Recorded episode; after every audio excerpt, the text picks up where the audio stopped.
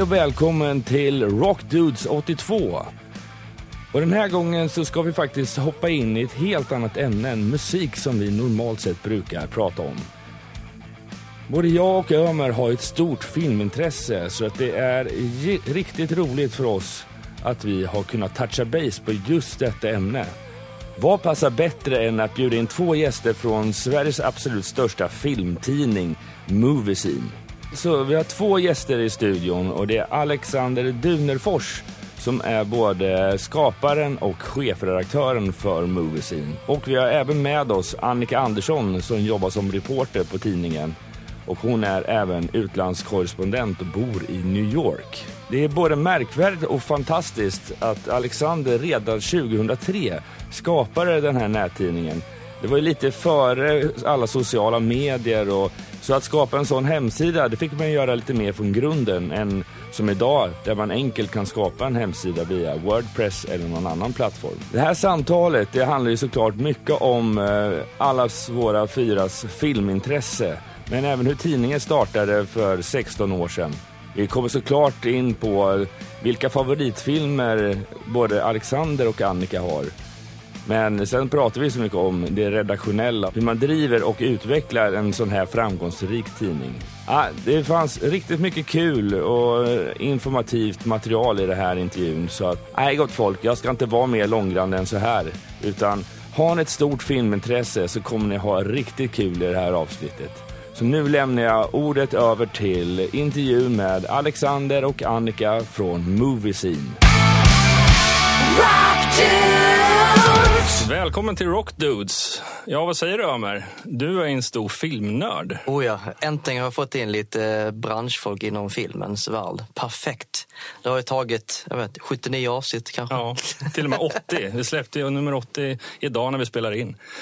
Eh, men eh, varför inte bjuda in en... Ja, vi pratade lite med de här personerna innan. Eh, vi välkomnar Alexander och Annika från Moviescene helt enkelt. Tack så mycket. Tack hej. så jättemycket. Hej, hej. hej. Välkomna. Hur mår ni idag? Jättebra. Mm. Ja. Ja, det är jätteroligt att vara här. Ja. Det är, ja, ska bli spännande nu att prata film. Ja. Det här är första podd för jag har fått reda på. Ja, det stämmer. Jag har eh, varit med i radio någon gång men eh, inte i en podcast så det är spännande. Ja. Pratar du om movies eh, scene då också eller var det något helt annat? Ja, men då, då, då är man kanske där och tipsar om lite film och serier. Ah, okay. Ja. Är det ett, ett ständigt återkommande kneg eller är det? Nej, inte alls. Men ibland så ringer de och hör av sig och vill ha skribenter från oss. Aha, spännande. Men Alexander, du är chefredaktör. Ja. Och Annika skribent. Ja, det stämmer. Hur, um, först och främst, hur länge har Moviesen funnits? Jag är nyfiken på. Ja, den har funnits sedan 2003. Så det är ett tag nu. Eh, det var jag som startade sajten. Och eh, ja, kört sedan dess. Så egentligen var det väl, om jag, min matematik stämmer, så 15-årsjubileum förra året? Kan det, det stämma? Bra. Ja, det Körde du något eh, evenemang eller? Ja, det gjorde vi. Vi hade en liten fest och middag med redaktionen. Så. Mm för att fira det. Ingenting för publiken eller fansen? Och så. Mm, nej, det kanske var lite dåligt med det. Men jag tycker vi kör ändå en del events ibland och förhandsvisningar och annat. Så att, men vi gjorde inget speciellt på 15-årsjubileet. Det är faktiskt så jag upptäckte er, er lilla kanal på online utöver läsande. Med att ni gör jättemycket förhandsvisningar. Mm, okay. Ni kom dessutom eh, nyligen från en förhandsvisning via en av era partner. får ni berätta lite mer på. Det är ständig film hela tiden för er känns det som. Eh, ja, men det blir, det blir en del. Eh, du tänker på eh, Ass som vi såg i morse? Ja, berätta lite grann om vad det var för någonting. ja. Jag ska se den själv ikväll, vill jag säga. Men inga spoilers dock. Ja, ta det nu Annika. Hur ska man göra det här? Ja, precis. Nu blev det knepigt. Nej, men vi, det var väl en pressvisning gick ja. på oss. Det var väl inte förhandsvisning så. Men, men det var ju jättekul. Det är ju sällan vi går tillsammans kanske. Mm. Så det var roligt att prata om det efteråt. Annars sitter man ju som skribent och tänker själv och skriver ihop och sådär. Så att nu var det roligt att eh, diskutera filmen efteråt. Mm. Så du ska recensera filmen? Jag kommer inte recensera den här, ja, men, ja, ja. men jag hängde på. För, Aha, för att jag, precis, vi tog chansen nu. Och... Men Alexander, du ska recensera den? Ja, det blir så. Mm. Okay. Det, jag tror det är i och med att du är chefredaktör att du kanske lämpar över det mer och mer ansvar till andra, men du hinner göra det också? Mm, ja, alltså jag gillar att recensera. Jag vill liksom inte tappa det heller. För att om jag lämpar över det på andra för länge liksom, så ja, men du vet, man tappar lite grann av det här. Det är kul att recensera, skriva film och göra det också. Även om det tar lite tid ibland så uh, vill jag liksom hålla fast vid det. Men var, var det så du började med att du kom in och startade hela det här att du gillar att skriva helt enkelt och film och tänkte ja men här mm. finns en lucka. Berätta mer. Ja, ja, det är precis som du säger, du har ju gissat lite. Du var ganska ung. Du var ju väldigt ung när du började också. Uh, ja, jag var 20 och uh, ja, jag tyckte att jag, jag har alltid älskat film och uh, tyckte om att skriva. Och jag kände någonstans, som du sa, det fanns en lucka. Det fanns kanske inte så mycket webbsidor som skrev om film på det sättet som jag skulle vilja läsa om det. Liksom. Mm. Så jag kände att men det kan väl testa och sätta ihop något. Och jag var hyfsad på webbdesign och sånt också. Det var inte så svårt på den tiden att Underlätta. bygga en sajt. Ja. Hur, hur ehm, dåtiden, att det fanns tillräckligt mycket sånt online och allting, det är ju ändå många, många år tillbaka. Hur fick du reda på det senaste inom film då? Uh, Tidningar eller? Um, nej, men det var nog från amerikanska sajter. Um, som måste ha varit. Och eh, nu finns det ju så mycket mer såklart. Alltså bloggar fanns inte ens på den tiden, eller Twitter eller någonting.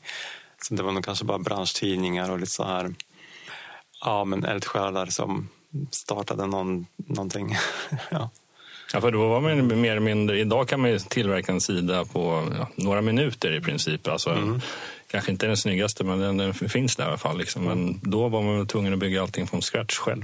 Ja, det var, så var det. Ja, det lärde jag mig. Mm. HTML och allting. var det någonting du lärde dig själv eller var det någonting du hade utbildat dig inom? Eller? Uh, nej, men jag lärde mig själv. Jag pluggade lite sånt i skolan. Jag läste media i skolan, så man fick lite så här, bygga hemsidor. Som, ja. Men uh, jag lärde mig själv i övrigt. Det var ju inte jätteavancerat. Det fanns ju bra program för det. Men alltså, hade det varit eh, några år senare hade det kanske blivit en blogg istället. Mm. För då fanns ju de verktygen. Mm. Men 2003 fanns det inte riktigt. Var det under samma flagga och namn och allting? Hur, hur kom du på namnet? uh, jag vet inte riktigt. Jag ville ha någonting med film såklart och någonting tvådelat. Så vi tittade på typ Filmnytt eller ja, men den typen alltså, av liksom, kombinationer. Okay. Och sen blev det liksom Movies som är en förkortning av Movie Magazine, tänker jag. Mm. Jag, hade, ja. jag hade det perfekta namnet, men det var redan taget för Filmnet. Kommer du det? Ja, det. Ja. ja, den kanalen hade man Det var ju TV1000 och Filmnet som battlade upp det. Ja, absolut. Filmnet var ett bra namn också. men, um... Gick i graven. Men eh, alltså ert varumärke, det fastar ju. Jag vet inte om det finns någon konkurrens här i Sverige på det sättet som ni gör det. Nu ska vi inte nämna några namn, men eh, när du började så var det ganska, eller relativt ohotat. Mm. Numera kan jag tänka mig att det finns några som vill ta över er nummer ett-plats kanske? Mm, alltså, nej, inte riktigt. Det fanns, det fanns ju några små filmsajter när vi började. Uh, och nu finns det väl fortfarande några, alltså den typen av bloggar och eldsjälar som recenserar online. Det är, nu är det lättare än någonsin att göra det. Men uh, vi, ja, vi har ju blivit störst ganska fort och så här. Det, det känns ju bra. Hur många är det som eh, skriver för sajten? Då? Uh, vi är runt 15, kanske 20 frilansare. Och jag kan tänka mig tillbaka så här, mitt stora, utöver musikintresse är ju film. Så att jag kan tänka mig att ni konsumerar sjukt mycket film bägge. Med dels pressvisningar och dels hemma. Så här, ungefär snitt en vecka. Hur mycket film ser ni? Är det en om dagen kanske, eller är det mer? Det är nog snitt en om dagen skulle jag nästan vilja säga. Och är det filmfestival kan det vara upp till sju filmer per dag.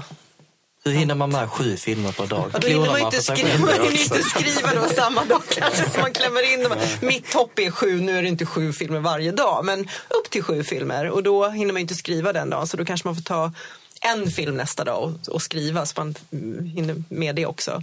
Känner du lite grann så att när du väl påbörjar en och blir klar så kommer det två till som du ska liksom fortsätta med? Du kommer liksom aldrig ikapp?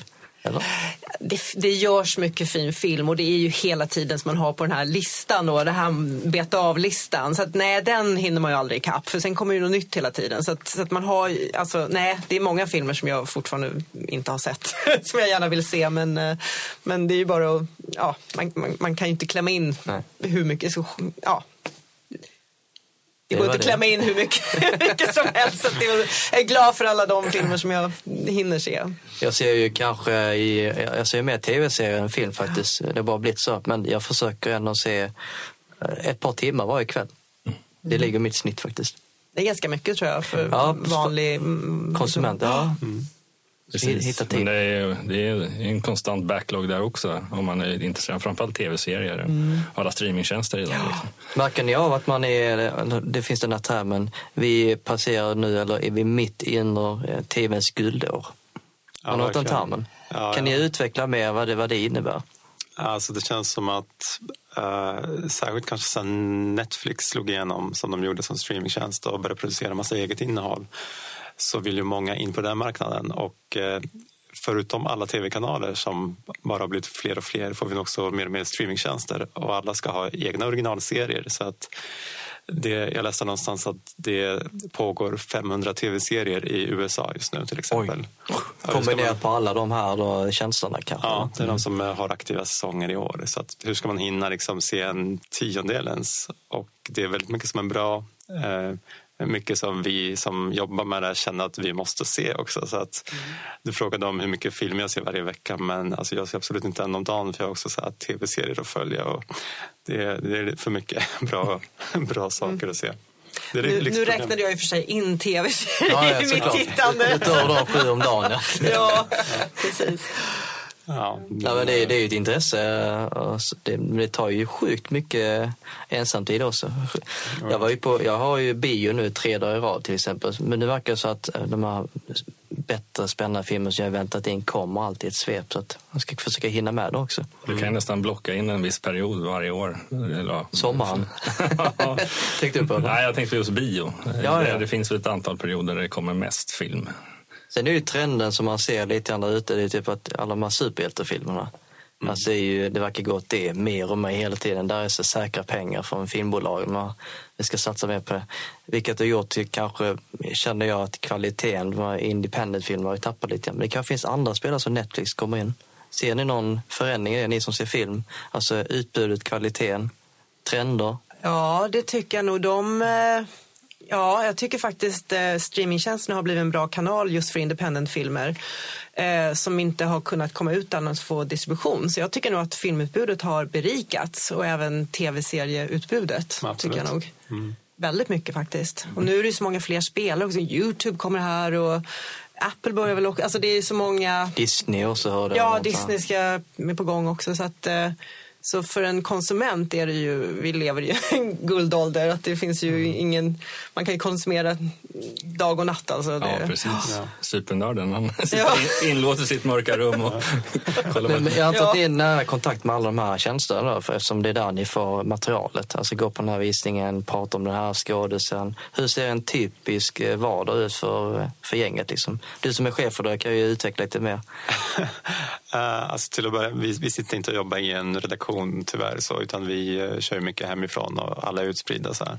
Inget eget kontor? Uh? Vi har ett kontor, men uh, där sitter jag ibland så här, inne i stan. Men uh, Annars så kör alla hemifrån. Och våra skribenter är ju överallt. Annika bor i New York till exempel. Ja, häftigt. Att, ja. Mm. Du är korrespondenten där. För... Ja, det blir lite så. Och då blir det roligt för då kan jag se andra filmer än som visas här. Eller kanske att de kommer ut tidigare eller att det är någon pressvisning eller filmfestivaler där mm. som har ett annat utbud. Så att, ehm, det är ju kul. Ja. ja. ja så vi håller kontakten på, på mail och Facebook med alla helt enkelt. Och Eh, vardagen för mig handlar väl om att ja, fylla sajten med, med innehåll, med nyheter och artiklar dagligen och sen ja, planera framåt här. Vem ska recensera den här filmen? Vem ska ta den här artikeln och så vidare. Är det mycket huggsexa och sånt? Jag kan tänka mig att vissa Oj. filmer vill eh, Mm, förekommer mutor här under bordet och så, du ska träffa den skådisen, men jag gillar henne. Jo, men jag tycker nog, ibland dyker det upp på, på Facebook, någon ja. sån här, vem vill recensera den här? Och är det någon riktig god, god bit så tycker jag nog att det är många som... Ja, det kan hända. det brukar vara mellan. Men, men då har jag faktiskt lite bra, för att ibland är jag lite ensam på täppan då inom det som jag kan se. Så mm. det kan ju komma lite mejl om, men den här har gått upp på bio i USA då två månader innan den kommer ut här. Kan du, kan du se den? Mm. Och då får jag just den filmen för mig själv. Ja, det är skönt. ja. New York är ohotad helt enkelt. Ja, vi, det tar hela Ja, jag är ohotad. är det fler som äh, även bor utomlands så att säga, som inte är i Sverige? Uh, nej, utan det är Annika just nu. Det är Annika. Var det planerat? Eller Hon är inte bara USA-korrespondent, är utomlandskorrespondent. Det är ändå väldigt häftigt att ha en utomlands. USA är en, alltså, USA i alla, men alltså i Europa så är ju Frankrike fattar jag som en väldigt stor nation när det gäller film också. Mm. Där kanske är nästa, nu ger jag bara lite så tips och så kan, kanske vara en fransman eller en eh, franskkunnig. Ja. Nej, jag vet inte, det, vi får se. Men absolut, det vore kul att ha någon i London, men av, av samma anledning att se vissa filmer tidigare. Ja, ja. För det skapar lite mer lugn, eh, tempo tänker jag. om det nu, nu vet inte jag, det där kanske har minskat med åren hur långt i förväg filmer släpps i London i ja. USA. Ja, men fortfarande är det några som släpps mycket tidigare i USA eller England. Mm. Um, sen har vi, alltså tanken med Moviesin har ju från början alltid varit att försöka vara först med recensionerna, snabbast med nyheterna och så här. Så eh, det håller vi fast vid. Liksom. Det är jättekul att få vissa filmer recenserade mm, tre månader innan eller ett halvår innan Sverigepremiär. Händer att ni åker, som, alltså New York, eftersom du är baserad där just nu, men jag tänkte, åker du till London också för specifika ändamål, visningar, inte bara här i Stockholm? Ja, alltså det händer. Då, då kanske de har pressträffar för vissa filmer där man får åka och intervjua regissörer och skådespelare. Så det, det är kul. När var det senast då? Um, London senast minns jag inte, men jag var i... Ah, vad sjutton var jag senast? Det, det, blir mycket. Ja, det, blir mycket det, det, blir, det blir någonting varje månad. Alltså. Ja, det blir det? Ja, så, pass. Ja, så pass. Men du tar den uh, pucken antar jag? Eller? Uh, ja, man får ställa upp. Nej, men, Oj, vad jobbigt! nej, inte riktigt. Men nu har vi en skribent som är på väg till London för uh, intervjuer kring Dumbo. Um, ah. Jag ska träffa mm. några skådespelare där. Och, så. Um, och jag ska kanske dit och göra Eh, göra ett inspelningsbesök snart på en film. Så vi får se om det blir av. Är det vanligt också att man gör det? Eller? Jag tror de, det var mer intervjuer. Nej, det där är faktiskt väldigt ovanligt. Att inspelningsbesöken får vi inte så ofta. Hur kommer det sig nu då, att de gör en sån grej? Um, det är en svensk regissör. Sen vet jag inte om jag får nämna vilken film det handlar om. Men, ja, det... det är lite lättare eftersom det är svensk koppling då kanske? Ja, men jag tror det. Men annars är vi en för liten marknad för just inspelningsbesöken. Men, vi får men ganska... då då kommer de. Jag tycker nog jag ser dem med jämna mellanrum. Ja. Vad sa du? Att, att jag ser med jämna ja. mellanrum att ni åker på eh, inspelning? Ja, nej, men det var väldigt sällan faktiskt. Två var väl... Nej, ja, jag tycker det, det, det var nyligen också. Ja. Men eh, det har vi en om året så är det lyx. Alltså. Är det så? Ja, jag trodde det var... Men det är mycket mer pressträffar och intervjuer och sånt faktiskt. Mm. När, när ni väl träffar skådisar och ska intervjua, så hur funkar det? Jag förstår hur det går till alltid, men hur många minuter får man egentligen när man väl ställer Jag har sett så här Youtube-klipp där fem minuter max. Liksom. Varje standard är det fem minuter och sen fyra. Fyra. fyra minuter. Vad ställer man till någon på fyra minuter? det känns alltså. en fråga. Standard Hur många frågor hinner man med ungefär? Eller? Det är väl en fråga per minut ungefär, men det, det är faktiskt knepigt. Jag, jag föredrar när man sitter och modererar eller man har en ordentligt samtal så mm. man kan ta tid på som vi sitter och pratar nu och faktiskt mm. gå in på någonting. Det, det, är lite press med de här fyra oh, minuterna. Jag tycker, um, ja. Det är en väldigt speciell eh, situation faktiskt. Och man kan aldrig veta hur många frågor man får in heller för att de kanske svarar med jättelånga svar och så får man in två frågor. Eller mm. så får man, vet man av alla tio frågor man hade och har en minut över. Och bara, vad man? Så att det går aldrig att förbereda sig och man vet aldrig vilket humör de är på. Om det, blir... ja, det, det, är också, det, det, är ganska intressant för att det ja. kan vara så att antingen hamnar ni precis i början av deras schema eller i slutet när de är som tröttast. Och då är det så att mm. typ, får jag en, kanske en bitter eh, skådis eller en glad skådis. Ja. Men där kan man faktiskt sitta och prata ihop sig lite i pressrummet med andra journalister som just har träffat den. Och jag brukar försöka få lite tips. Okej, okay, mm. hur pass många frågor hann du med? Och är han på gott humör eller inte? Han liksom, ja. Vad verkar han vara mest intresserad av att prata om? Och alla ja, ja visst. Mm. Och så här, fick du något bra scoop? Någonting han gillar att prata om? Ja, men du, man, man kan få lite tips av, av andra. Har det hänt någon gång att du har gått över tiden för att eh, skådisen verkligen gillar er och vill prata vidare? Det här var jätteintressanta frågor. Um, ja, men det kan hända. Alltså, om de, eh, om Har du något exempel? Uh, inte just nu tror jag, men om skådisen pratar på då vågar inte hans PR-folk avbryta honom. Man får alltid tecken när man har så sista frågan eller en minut kvar. Men om någon pratar på så är det bara att köra. Vad, vad är det för tecken? Kommer någon in då och visar att typ, nu är det två minuter kvar med fingrarna? Ja, men typ, de sitter lite bakom och visar med fingrarna. om, om, man tittar på de här intervjuerna så ser, brukar man se hur intervjuaren sitter med ögonen. Liksom att man dansar lite för att de, ja, de sitter och gestikulerar så man, Oj. man får liksom hålla ett öga där på ena kanten. Hur... Ser de arga ut då? Eller är så helt tom i blicken? Bara, nej, nej, nej, du måste sluta nu. Det här går inte över till. de är ganska strikta tycker jag. Mm. Det, börja vet jag inte men ja. Det är strikt där. Ja. Strikt, är det skillnad på, mm. nu jämför vi med Londonkår, men jag tänker Stockholm. Är det, är det betydligt lättare kanske när man sitter med Alltså den typen av fyra minuters intervjuer finns inte här. Det Nej, det är bara inte, så här för internationella pressträffar. Mer. Här får man liksom, okej okay, vi får bara träffa kanske svenska skådisar men här får man i alla fall sitta ner i en kvart, 20 minuter och ha ett riktigt samtal. Så. Ni som älskar film, har ni lyckats träffa er idol om ni har det, det vill säga? Inom filmsammanhang givetvis. Mm, ja, absolut. Det, det största för mig var att träffa James Cameron. Mm. Hur var det då? Berätta den känslan. Uh, ja, men det var riktigt häftigt för att jag är uppväxt med hans filmer och det är liksom Terminator 2 var väl filmen som fick mig att verkligen bli intresserad av film. Och sen hade jag Titanic som en stor favoritfilm mm. länge och det här var då när Titanic skulle släppas på uh, Blu-ray i 3D-version och sånt Eh, för några år sedan. Och då fick jag åka till eh, Belfast och träffa honom. Och dels fick vi då den här fem minuters intervjun på tv och sen ett runda bordet samtal med andra journalister på 20 minuter. Och sen var det en liten presskonferens så jag fick väldigt mycket så James Cameron för pengarna. Men äh, det var häftigt, liksom, för det är som sagt en stor idol. Och att höra honom prata om film och filmens framtid kändes bara som att, ja, men typ, jag menar, som att höra Gud prata om hur han skapar världen. Oj, alltså det är typ det närmaste för mig ja, såklart. Mm. Uh, så det var riktigt häftigt. Ja. Kändes du nervös då? Eller är du alltså rutinerad? Uh, men jag är alltid nervös inför Är du? Alltså, ja, fortfarande, ja. Det, det, är alltid lite så här, ja, men lite obekvämt på något sätt. För man vet liksom inte riktigt hur de är och vilket humör de är på. Som sagt, man vet aldrig vem man får träffa. Även om man känner dem så Ja, men jag är lite, lite starstruck, absolut. Uh -huh. Är det så att, typ, att uh, du ständigt träffar samma person, så att de kände igen dig efter ett visst tid? nej, det har inte hänt. Nej. Inte? Nej. Uh, nej, alltså ibland, någon gång har man ju träffat någon skådis två, tre gånger men jag tror aldrig att de känner igen folk. Eller, nej. För det, det beror på om du rakar eller om du lägger på skägg så kanske ja, hjälper. Sticker ut lite grann. Ja. Annika, din eller? Eh, favorit? Eh, den som jag, den första som jag, den som jag minns bäst det var väl den första. För det, det första som jag blev ivägskickad på det var väl ändå Miami när Baywatch skulle komma ut. Mm.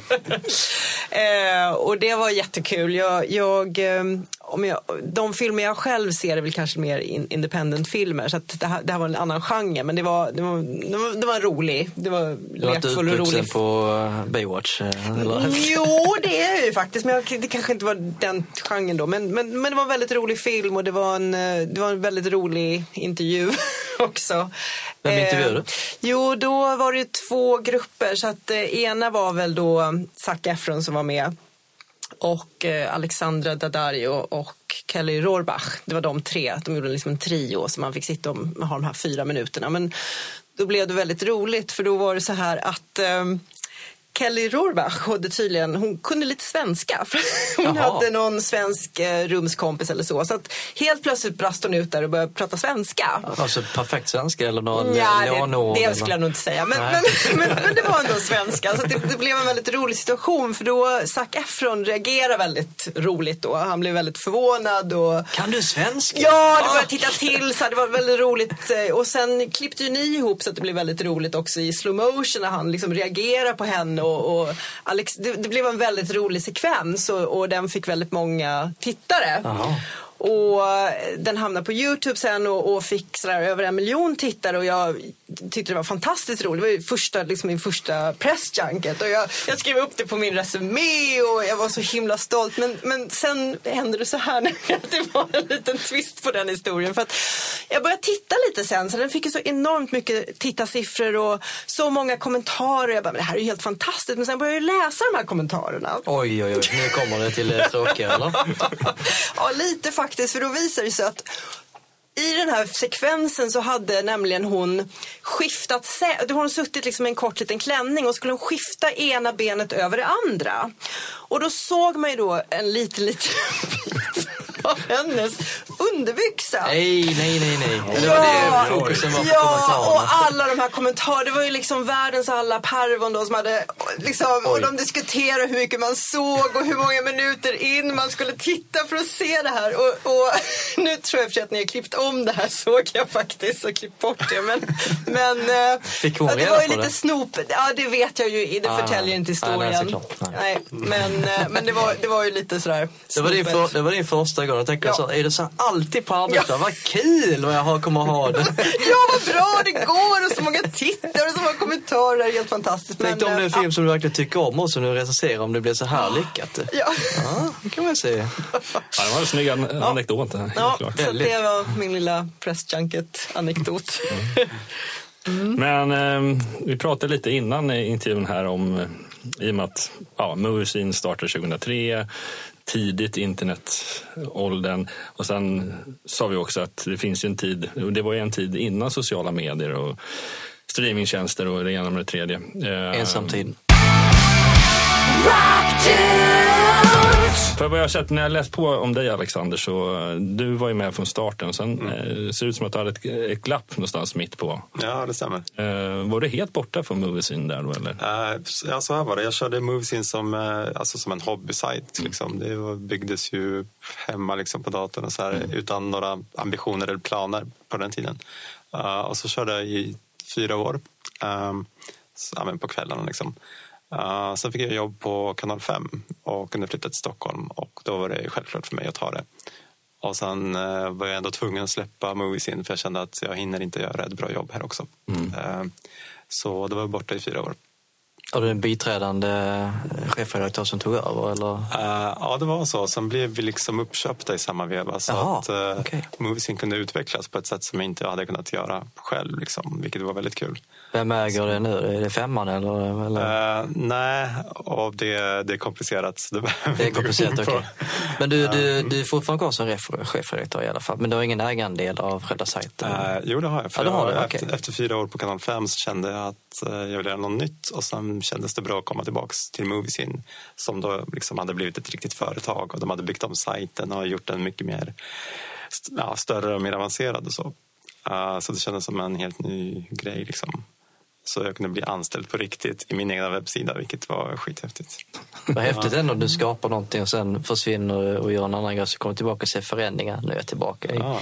Som en lång semester, lite grann. Ja, men lite så var det. Men riktigt lyxigt. Ja, kul. Men hur man, eh, i och för sig då, då i och med att det bolagiserades och mm. de hade andra resurser att sätta in för att utveckla sajten. Mm. Men eh, även om det var någonstans ja, för åtta år sedan eller vad det kan vara så uh, har ju internet utvecklats kopiöst mycket. Hur har ni mäktat med att följa med alla förändringar som sker? um, har, ni, har ni haft en strategi för det så att säga?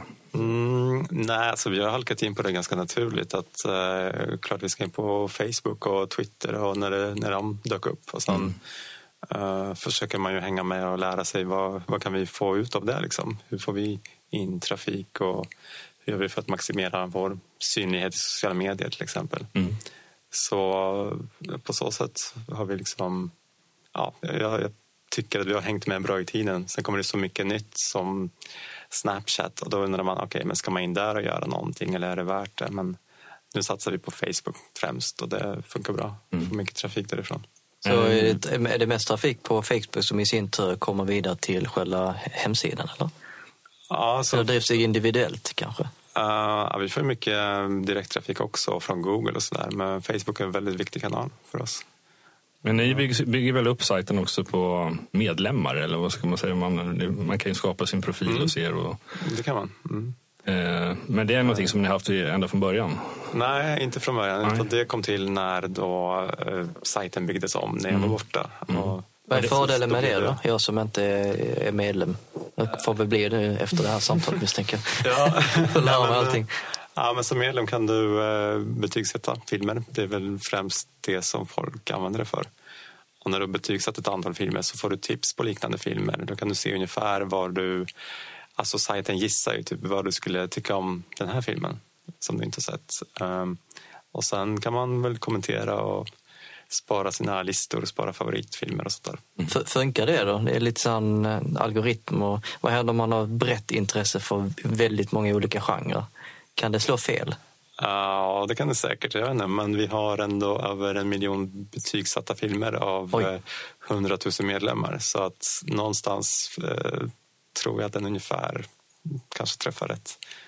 Ja, så utöver eh, recensioner och betyg, så att, um, nu ska jag inte snacka skvaller där, men ja. händer det typ att ni tar så här, typ först på bollen? Vi har hört eh, liknande TMC i USA till exempel, om, om film. Den här regissören är påkopplad, den här. Har ni varit först på bollen på någonting och bara, ja, men, till, där andra nyhetsbyråer kommer till er och tar informationen?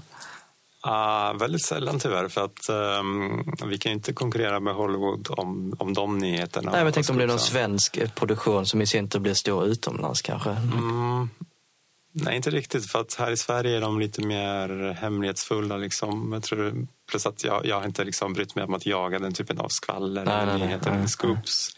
Men det har väl hänt någon gång att vi, vi hör från en skådis att ja, nu ska de spela in fyra nya Beck-filmer. Och då mm. jag eh, skrivit om det och då har det blivit en nyhet som visar sig vara sann då till slut. Men, men det, det är väldigt sällan det händer. Det har ni, Beckscoopet. det är bara att gå till Moviesin direkt så får ni reda på senaste filmerna. ja. Men om man pratar lite om, eh, ja du började starta sajten som väldigt ung så du har ju precis gått ur gymnasiet. Mm, precis. Eh, men du Annika, vad har du för bakgrund? Ja, jag, eh, jag pluggade ju film på universitetet och sen jobbade jag på Stockholms filmfestival. I sex år var jag väl där och då jobbade jag på sponsoravdelningen så det var ju inte riktigt med press eller men, men det var ju ett filmsammanhang i alla fall, Eh, kan man ju säga. Och eh, jag modererade ju också en del när jag var på festivalen, för det är en, en liten kärna av, eh, det var väl tio personer som var fast anställda och så ökas det ut under själva festivalen till hundratals och med alla volontärer och så. Och då blir det så att den här kärnan kanske gör ja, man bär många hattar. Så mm. att, eh, det var en väldigt rolig del av, av mitt jobb. Och sen jag kontaktade nog dig, Alexander, och bad att få skriva för, för Moviescene. Mm. Eh, och jag minns, du hade ju en korrespondent tror jag, i USA. Ja. Mm. Så sen när hon flyttade hem, Precis. så då, då var jag raskt framme där. och eh, jag vet inte hur det gick till, men då, då blev jag väl mer stadig skribent. Jag gjorde väl deras gästartiklar innan dess. Mm. mm. Så det är väl sedan ett par års tid. Kanske? Ja, det är några år nu. Ja, så det har varit äh, jättekul faktiskt. Och sen har jag gjort någonting här hemma när jag varit här, jag är i Sverige också ibland. Och då gjorde jag väl någonting här också. Mm. Hjälper du till Men... någonting med sponsorbiten nu när du har den sex års erfarenhet? Ja. Jag. Eh, jag, jag håller inte på med, med sponsorskap längre. Det, det, mm, jag tycker det är väldigt roligt nu att skriva. Så att, eh, jag är jätteglad så länge jag kan göra det. Vi ska prata film. Vi pratar väldigt mycket så här eh, business beat och så här, men film är ju trots allt det vi brinner för. Så här.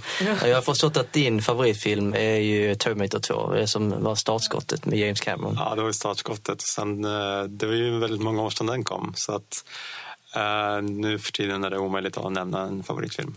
Men har du koll på, givetvis har du koll på hans kommande filmer, men ja. berätta gärna för till våra lyssnare, vad är det du ser fram emot som kommer härnäst från honom? Uh, från James Cameron. Det är ju de här avatarfilmerna som uh, ser fram, vet jag inte. Uh, Varför tar det så lång tid med den? Det har ju varit hur länge som helst känns det. ja. Han fick ju för sig att spela in fyra filmer samtidigt. Ja. och först skriva manus till fyra stycken och sen ska de spelas in och det är väl Avatar blev den största filmen någonsin och ingen annan spelade in så mycket pengar så att han har mycket att leva upp till. Ja. Mycket press också, eller Det är så ja. många sequels också, som fyra. Precis, så att jag är lite skeptisk, men vi får se vad det blir. Ja, men, men, finns det specifika genrer som, du, eh, ja, som passar dig bättre eller du tycker bättre om? Stenhård action. ja, alltså det är lite svårt. Um, svårt att säga. Jag ser ju det mesta. Liksom. Mm.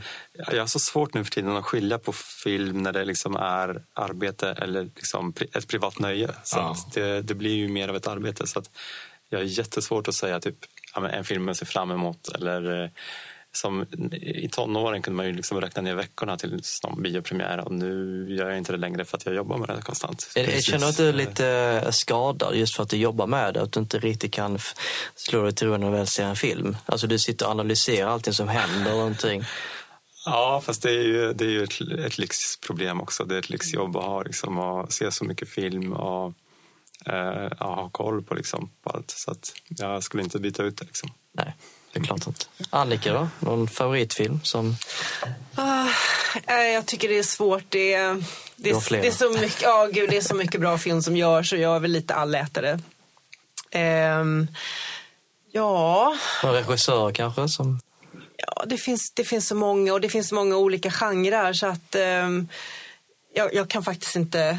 jag tycker det var en svår fråga. Det, det är många indiefilmer som jag tycker är spännande. Det, det är väl det som jag egentligen tycker är mest, mm, de man hittar på festivalerna. Men Begreppet sen, indie får du gärna berätta. Alltså, det kan ju betyda ja, allt möjligt. Exakt. Det är väl i, grundbetydelse är väl lågbudgetfilm som inte är knut, eller det kan vara högbudget också eller storbudget också, men inte knuten till eh, studio, de stora eh, Hollywood-studiosarna. Mm.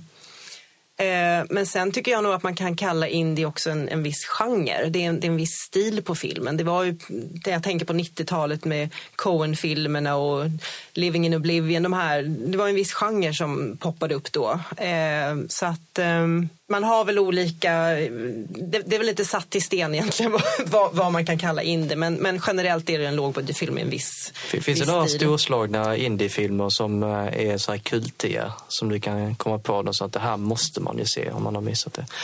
Ja, jag skrev ju faktiskt en artikel nyligen om mina pärlor från 2018 och mm -hmm. då är det två där som jag tyckte väldigt mycket om. En är ju Eighth Grade, det är en sån här coming of age film men den, den, den är väldigt, väldigt välgjord. Det är en komiker, vad heter han, Bo... Bo Burnham. Ja, som, som eh, det är hans, jag tror han första, hans eh, för, första gångs regissör. Men han, han fångade de här obekväma tonåren så himla väl. Och jag minns, på, jag såg den på Sundance förra året, jag minns liksom att salongen, vi satt och skruvade på oss allihopa. det, var så o, det var roligt och obekvämt på samma gång. Och sen är det en annan indiefilm som jag tyckte var väldigt, som jag tyckte om väldigt mycket och det var den här Blindspotting. Eh, mm. Ja, mm. precis. Som, som var väldigt, väldigt rolig och som hade också lite det här med gentrifieringen. Eh, lite, lite djupare budskap inunder. Så jag tycker att den, den jag tyckte väldigt mycket om den och jag tyckte den inte fick lika mycket uppmärksamhet kanske som jag tycker den skulle ha förtjänat. Men, men det är de filmerna man hittar på festival och det är inte alltid de får stor distribution. Har de kommit hit till Sverige någonting? Eller? Jag undrar om inte Blindspotting visades på någon kvartersbiograf. Mm, Blindspotting gick på bio så den kommer ah. kanske ut på DVD, Blu-ray när som helst. Ja. Uh, Age Grade har fortfarande inte kommit hit. Nej, och det är lite märkligt. Ja, jag väntar på den också. Mm, den, alltså, jag tror jag kan faktiskt garantera en del skratt. Ja. De, här, de här två tipsen vill jag definitivt eh, se. Jag har ju fastnat för uh, biopic-film nu för det verkar ha kommit en hel ström och det fortsätter komma ut år. Ja, men, eh, det första jag såg nu för några månader sedan var ju Jonas Åkerlunds Lords of Chaos där det bygger på en extrem black metal för Norge. Även till viss del eh, sant, men ändå lite fiction för att det ska funka. Men sen är det så, Elton John-filmen Rocketman kommer också snart i maj. Uh, mm. Hjälp mig, det var några andra filmer som Bohemian Rhapsody kom ja, också ut. Den blev ju gigantisk. Mm. största biopicen någonsin på bio ja. tror jag. Och, ja, Verkar det vara någon trend nu? För, eller kommer allting bara samtidigt? Om en slump? Jag eller? tycker nog att det är lite trend där. För jag tycker det är, nu är det väl... Eh, jag har sett flera faktiskt eh, musikikoner som är på gång. Nu, mm. nu kan jag inte komma på riktigt vilka. Det var väl... Nu kommer ju The Dirt om Mötley Crüe. På Netflix mm. faktiskt, exakt. Det verkar vara en stor grej. Ja. A Star is Born verkar som att satte ribban, även om det inte är, det är påhittat alltid. Men att oj, det här funkar. Nu känns det som att alla storbolagen ska ja. liksom göra något liknande. Men plocka fram lik ur garderoben med den här artisten som ingen känner till. Nu kör vi igen. Och det verkar funka. Alltså jag välkomnar det. Alltså dels har vi superhjältarna på ett håll och sen har vi artisterna på det andra hållet. Mm. Så man undrar vad nästa grej kommer att vara i mitten. Där. Jag tror att de, att de smider medan järnet är varmt. För, för ett par år sedan kom det väldigt, de Amy Winehouse till exempel, den mm. filmen mm som var otroligt välgjord och eh, gick hem hos kritiker och publik. Så att jag tror det är väl en våg där. Som, är det inte en Elton John-film på gång? Ja, ja, ja, och, ja, precis. Och sen, precis, och sen eh, Mm. Det är någon till på gång i alla fall. Ja, det är att någon vaknar upp i mm. och han är den enda som vet vem Beatles är i princip. Ja, nej, men det är en annan film. Den, ja, är, ja, okay. den ska bli spännande. Ja, den, den jag glömde bort vad den hette, alltså, men den, den ser jag fram emot faktiskt. Ja, det, den har fått mycket uppmärksamhet så den ser jag också fram emot. Men det, det är någon annan eller om The Quiet One tror jag. Mm. Om, eh, jag tror den är på Tribeca, satt och kollade igenom okay. häromdagen, filmlistan. Eh, så det, det, är faktiskt en hel del. Eh, så att vi får se då, om, om mm. alla är lika bra som Winehouse. Eller?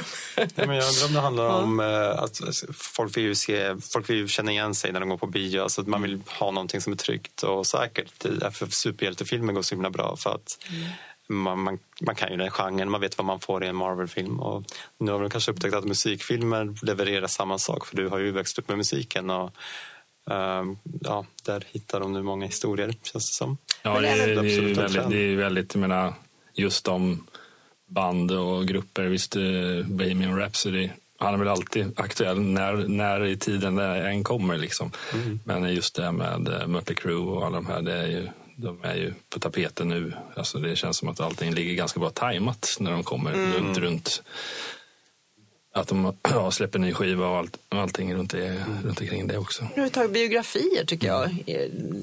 Ja, jag har alltid älskat dokumentärer ja, generellt. Så att, Dokumentärer verkar vara så liten, eh, det är så att det är väldigt billigt om man jämför med storproduktion. Jag var på bio igår till exempel och såg Jackson-filmen, den här krigsfilmen. Mm.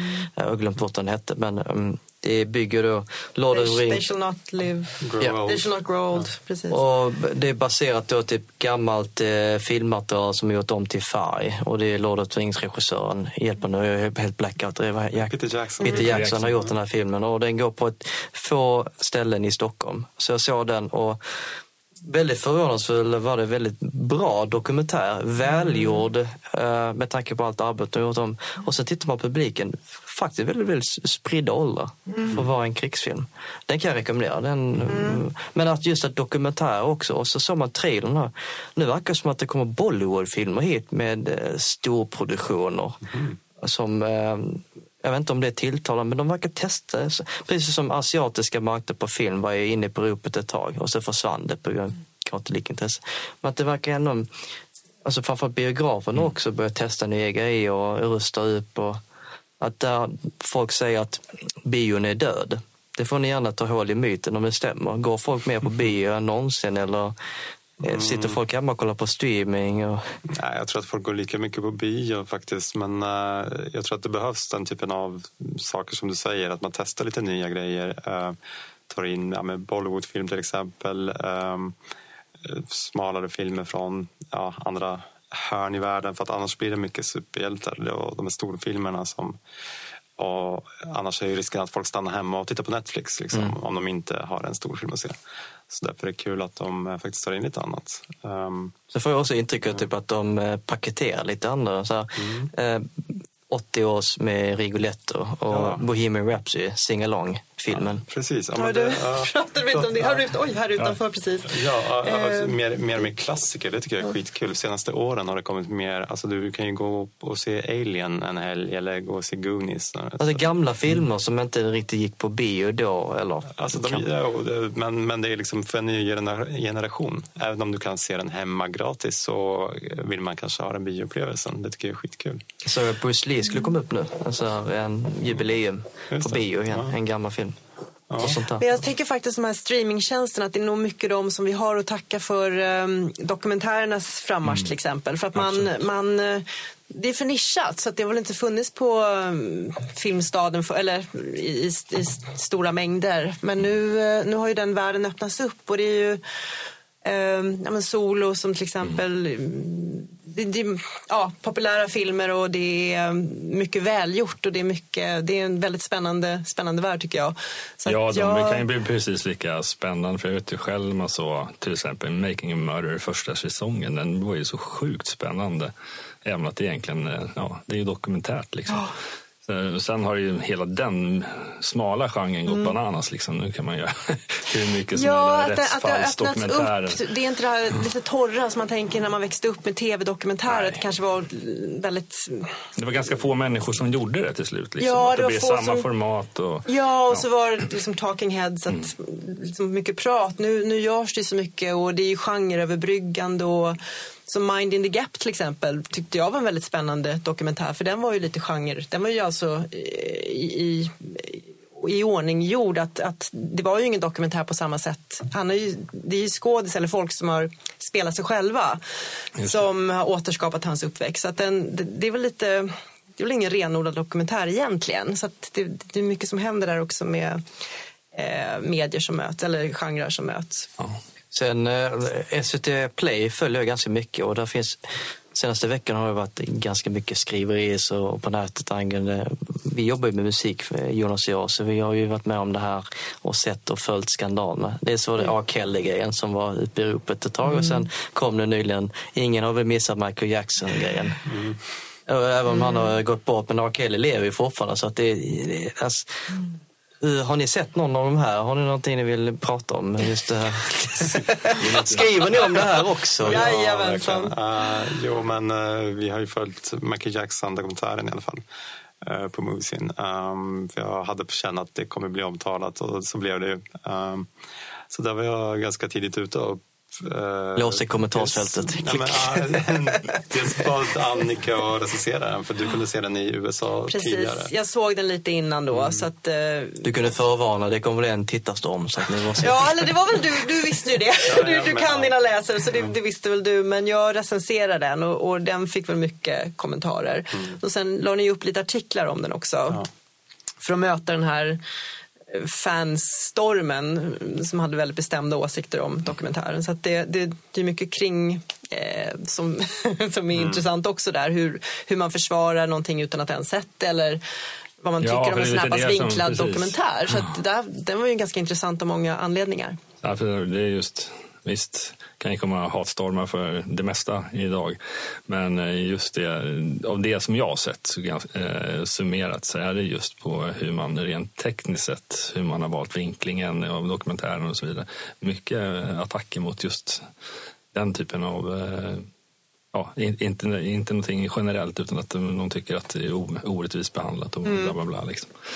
Ja, det är intressant. Men hur, hur påverkar det ert, eh, er sajt? Alltså, händer någonting att det börjar verkligen spåra en massa troll och diverse? Att ni måste stänga kommentarsfältet? Ja, men nu har sajten gått ner för nu är det för mycket trafik. Eller? Nej, det, det har väl inte hänt. Men eh, just med den här filmen så kände vi att eh, här är det viktigt att tänka på vad vi skriver liksom, och att, att vi verkligen har koll på eh, ja, man kan ju inte veta vad som har hänt, vad som är sant, men att vi ändå behandlar respektfullt på något sätt. Och, eh, kommentarerna, ja, man får ju övervaka dem och se så att ingen skriver dumheter, men eh, det, så är det med allt. Det, det är ju hetsiga kommentarer kring nya Marvel-filmer också, så att det, ja, det är ju två helt separata. Marvel-filmer är ju ganska mycket fiction och där är verklighets, eller det sägs vara verklighetsbaserat. Hur drar man linjen mellan de två då? Hur man ska hantera det, hur man skriver det. Har ni sån tanke bakom det? Okej, okay. politiskt korrekt kallar jag det, men du kan ha någon annan åsikt. Um, nej, alltså det gäller som alltid att vara påläst och ja, just i det här fallet vara respektfull för att vi kan inte påstå att den här filmen säger sanningen eller till mm. exempel utan det var det väldigt viktigt att säga till dig också, till andra som har skrivit artiklar hos oss. Att, eh, tänk på liksom hur ni formulerar er. Och, så att man vill ju inte men, reta upp de här fansen i onödan till exempel. Uh, Marvel-fansen kan man rätta upp, det gör ingenting. De är lite källare. det gör ingenting. ja, men det är också viktigt att uh, fans kan bli väldigt, även Marvel-fans och så här. Um, skriver man någonting som inte riktigt är sant, man har inte exakt koll på den här skurken från en serietidning från förr så kommer de där och ska rätta det. Ja, att, ja, men det är alltid det, viktigt att rätta tydligen. Så ja, man måste, man, sen kan man ju alltid gå in och eh, ändra och rätta en artikel i efterhand, det är ju skönt. Men, eh, ja, det är bra med online-media på det ja. sättet. Men nej, jag har bara reflekterat lite över det. För just Alltså, man har ju sett det förut, men när man tänker som vi säger, gamla format av dokumentärer, det ska ju vara någon så korrekthet i det också. Liksom, precis det som ni...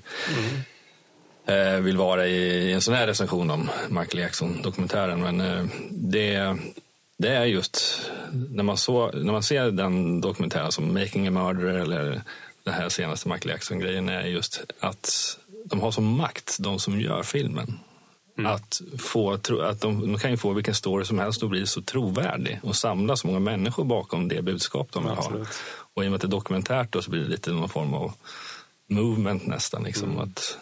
Den har ju fått en del kritik för att det är ju, eh, det, är som, det gör ju publiken till en sorts domare eller jury. Ja. Och man får ju bara ena sidan berättad. Exakt, exakt. Samtidigt som om man recenserar filmen, det är det som är filmen, det är ju ett, som ett språkrör för de här två männen som mm. Så att eh, jag vet inte riktigt vad man kan säga rätt eller fel där men, men det är det har det, de, mycket... de, alltså, den som tittar på sådana ja. typer av dokumentärer, det, det handlar inte om att det finns några nyanser av grått eller mm. blått. Mm. Utan det är svart eller vitt. Mm. Antingen eh, så håller man med eller inte alls. Liksom. Och det är just, och det, framförallt när man kollar på debatten. Eller så tar man det för vad det är. Det är en sidas berättelse. Ja, ja. Och, och, att man håller det... Mm. Man, kan, man behöver inte ta det som sanning nödvändigtvis. Nej, men, man får ju man vara ödmjuk för att det här är en vinkling mm. från den här sidan. Liksom. Ja. Det väcker mycket känslor i alla fall, så det är bra för alla parter. Ja. Sen kan man mm. bilda sin egen åsikt. Ja, exempelvis. jag, har, jag har en eh, sista fråga från mitt håll och det är mer ett intresse. Det är så här, tipsa om en film som kommer nu till vår lista. Vad är det man ska checka in som man inte bör missa snart? Mm. Nu tycker jag att Ass som vi såg var väldigt bra. Berätta om den, vad handlar den om? Uh, man ska inte berätta så mycket, men det är en skräckfilm uh, av regissören till Get Out. Och, uh, den börjar väl med en familj som är på semester i ett hus, sommarhus vid stranden och de får lite oönskade gäster. ja, det spårar ur lite grann den här natten. Så den är väldigt otäck och intressant. Är det, är det manuset i sig som sticker ut från en vanlig skräckfilm kanske? Eller ja, jag tycker det. Den är, det är ju en regissör som har vissa budskap som han vill förmedla med sina filmer. Och sen är den väldigt intensiv. En bra thriller också, men den har flera lager kan man säga. Spännande. Ja. Jag ska se ikväll, så jag är täckt där i alla fall på den ja, eh, gud det är svårt igen då om man ser så mycket film. Men, men eh, jag tittade nog, några smalare filmer faktiskt som jag har sett. Det, är, det är en dokumentär om Toni Morrison som jag tyckte var väldigt intressant. Eh, som gick på Sundance nu och den kommer väl komma någonstans. Och eh, en annan lite smalare som heter Clemency. Mm. Som handlar om eh, dödsstraff. Eh, moral. Det, det är ett narrativ då, en narrativfilm. Mm. Men eh, den tror jag, den, den är precis kommit ut eller förhandsvisas. Men den kanske vi kan få se lite mer av. Men den är nischad men, och väldigt tung. Mm. men väldigt välgjord och lämnar väldigt mycket att, att, tänka på i efterhand. Så att den tror jag vi kanske kan se lite mm. mer av. Vi har pratat mycket film, men ni eh, skriver mycket om tv-serier och sånt också. Mm, och den här stora kolossen Game of Thrones. Mm. Hur pass eh, förinspelade är ni på det inför att det är en månad kvar ungefär tills det är officiella första... Ja, nej, vi, vi är taggade som alla andra. Vi vet ju ingenting mer än någon annan och vi kommer inte få se de här avsnitten i förväg tror jag. Uh, så vi ser fram emot det. Personligen så uh, har jag väl inte följt serien slaviskt. Mm. Men uh, eftersom som sagt vi skriver om tv och det är den största tv-serien så måste jag hålla kollen då. Precis, men blir det mer, blir det mer reaktivt skrivande efter avsnitt för avsnitt? Eller hur funkar det? Ja, vi skriver ju efter varje avsnitt och sen eh, det är väldigt mycket eh, under säsongens gång så är det mycket så här analyser och vad ska hända härnäst. Och, mm. Eh, vi ser folk på nätet som analyserar varje liten bild och varje liten detalj. Hur många ska dö? Ja, jag, menar, jag, jag satt bara på kul och satt och kollade lite på Youtube. Det blir väldigt slumpmässigt. Men eh, alltså, de eh, tror jag, två amerikaner liksom som har, de är jättestora på Youtube. De har ju en, den ena hade väl en halv miljon följare. Liksom. Och han pratar ju bara såna här mm. bit by bit i Game of Thrones. Men ja. nu snackar man ju bara om det som kommer hända. Eller vad de tror sig kommer hända rättare sagt. Men ja, det, den eh, ja, det har en stor uppmärksamhet. Ja, absolut. Jag tror vi kan ta och runda av och tacka er så jättemycket för att ni ville komma till vår studio. Tack så hemskt mycket. Mm, tack, tack för att vi fick komma. det var jättekul. Mm.